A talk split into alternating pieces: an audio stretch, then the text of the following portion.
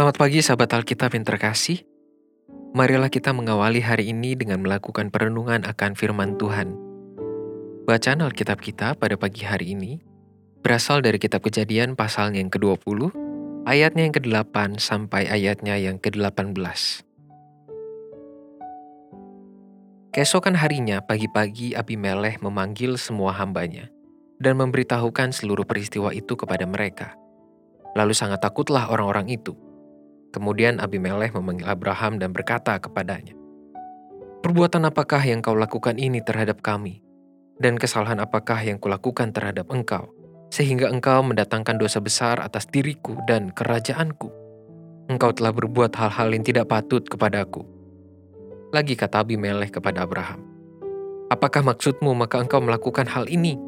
Lalu Abraham berkata, Aku berpikir, takut akan Allah tidak ada di tempat ini tentulah aku akan dibunuh karena istriku.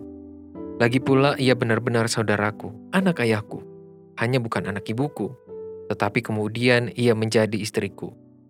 Ketika Allah menyuruh aku mengembara keluar dari rumah ayahku, berkatalah aku kepada istriku, Tunjukkanlah kasihmu kepadaku, yakni katakanlah tentang aku di tiap-tiap tempat di mana kita tiba, ia saudaraku. Kemudian Abimelech mengambil kambing domba dan lembu sapi, hamba laki-laki dan perempuan, lalu memberikan semuanya itu kepada Abraham. Sarah, istri Abraham, juga dikembalikannya kepadanya. Dan Abimelech berkata, Negeriku ini terbuka untuk engkau, menetaplah di mana engkau suka. Lalu katanya kepada Sarah, telah kuberikan kepada saudaramu seribu shikal perak. Itulah bukti kesucianmu bagi semua orang yang bersama-sama dengan engkau. Maka dalam segala hal engkau dibenarkan. Lalu Abraham berdoa kepada Allah dan Allah menyembuhkan Abimelech dan istrinya dan budak-budaknya perempuan sehingga mereka melahirkan anak. Sebab tadinya Tuhan telah menutup kandungan setiap perempuan di istana Abimelech karena Sarah, istri Abraham itu. Tingkat kemampuan seseorang dalam merespon sesuatu tentu berbeda-beda. Ada seorang teman yang pada satu waktu sedang berjalan di tengah kota Jakarta sembari menggenggam handphone, kemudian mengalami tindakan kriminalitas. Secara tiba-tiba HP-nya dirampas oleh seseorang yang melarikan diri dengan menggunakan sepeda motor. Apa yang teman saya lakukan? Ia hanya berdiam, mematung.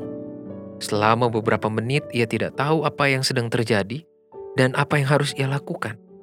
Sehingga si pencuri dengan sangat leluasa dapat melarikan diri tanpa diketahui oleh orang lain di sekitar. Tanpa mempermasalahkan kondisinya, dari cerita itu kita dapat belajar bahwa respon sangat menentukan tahapan berikutnya dalam sebuah situasi kondisi kehidupan. Sejak datangnya firman Tuhan sebagai sebuah peringatan pada mimpi malam hari, Abimelech pun tidak mengulur waktu untuk memberikan respons. Keesokan pagi hari, ia segera mengumpulkan setiap pegawai istana dan memberitahukan seluruh firman yang ia dapatkan itu.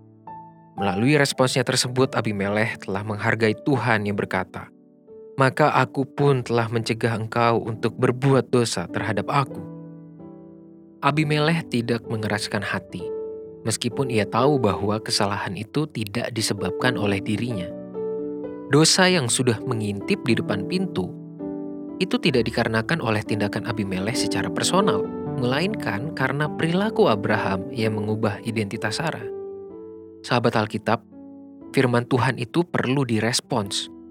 Cepat tanggapnya Abimelech dalam menindaklanjuti firman Tuhan yang datang kepadanya menjadi sebuah pembelajaran iman yang sangat penting untuk kita renungkan dan terapkan dalam hidup keseharian. Seringkali, entah sadar maupun tidak, kita hanya sekedar mendengar firman dan membiarkannya berlalu begitu saja tanpa ada tindak lanjut yang nyata. Padahal Firman merupakan tindakan Tuhan yang ingin mengubah hidup kita dan membawa kita untuk terus hidup di dalam kebenarannya. Entah itu teks Alkitab yang kita baca, khotbah ibadah minggu yang kita dengar, pesan dalam pembelajaran Alkitab yang kita ikuti, maupun suara hati yang muncul ketika kita beraktivitas, menjadi pesan Tuhan yang perlu kita respons dengan segera. Firman Tuhan dapat menjadi ajakan untuk bertobat, edukasi, maupun seruan untuk bermisi di tengah lingkungan. Semuanya membutuhkan tindak lanjut yang nyata sebagai bukti bahwa kita menghargainya dan berkomitmen untuk hidup di dalam kebenaran firman-Nya. Marilah kita berdoa. Ya Tuhan, biarlah setiap kebenaran firman-Mu yang kami dengarkan, yang kami terima hingga detik ini, boleh kami respon secara segera di dalam kehidupan kami. Sehingga setiap pesan firman Tuhan bukan hanya sekedar kami dengar dan kami ketahui, tetapi boleh mewujud dalam tingkah laku kami, dalam perkataan kami, di dalam kehidupan kami. Hanya di dalam nama Tuhan Yesus Kristus kami berdoa dan memohon. Amin.